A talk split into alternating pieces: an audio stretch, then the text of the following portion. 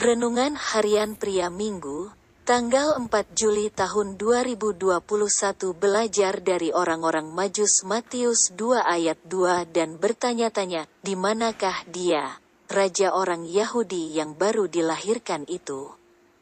Kami telah melihat bintangnya di timur dan kami datang untuk menyembah dia. Ada tiga orang majus dari timur datang ke Yerusalem untuk mencari tahu di manakah raja orang Yahudi yang baru dilahirkan. Mereka sudah melihat bintangnya di timur dan mereka datang dari jauh mau menyembah Yesus.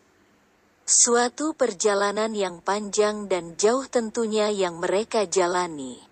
Kemungkinan ada banyak tantangan dan rintangan yang mereka hadapi ketika mereka mencari bayi Yesus dengan mengikuti bintangnya yang menjadi petunjuk arah bagi mereka. Memang tidak dituliskan dalam Alkitab berapa lama perjalanan mereka itu. Yang pasti adalah perjalanan lama, dan bisa memakan waktu berbulan-bulan karena kemungkinan kendaraan yang ada pada waktu itu adalah binatang unta. Akan tetapi itu tidak menghalangi kerinduan mereka untuk bertemu dengan Yesus dan menyembahnya, Sang Raja segala Raja itu. Karena tekad dan kerinduan mereka itu, akhirnya mereka bertemu dengan bayi Yesus dan mereka pun menyembahnya. Apa yang dapat kita pelajari dari orang-orang majus dari timur itu? Orang-orang yang belum mengalami anugerah Tuhan, tetapi mereka sudah mempunyai tekad dan kerinduan yang sangat besar untuk menyembah Yesus. Anda dan saya yang sudah mengalami anugerah keselamatan Seharusnya kita mempunyai kerinduan yang lebih besar atau paling tidak sama seperti kerinduan yang dimiliki oleh orang-orang majus dari timur itu.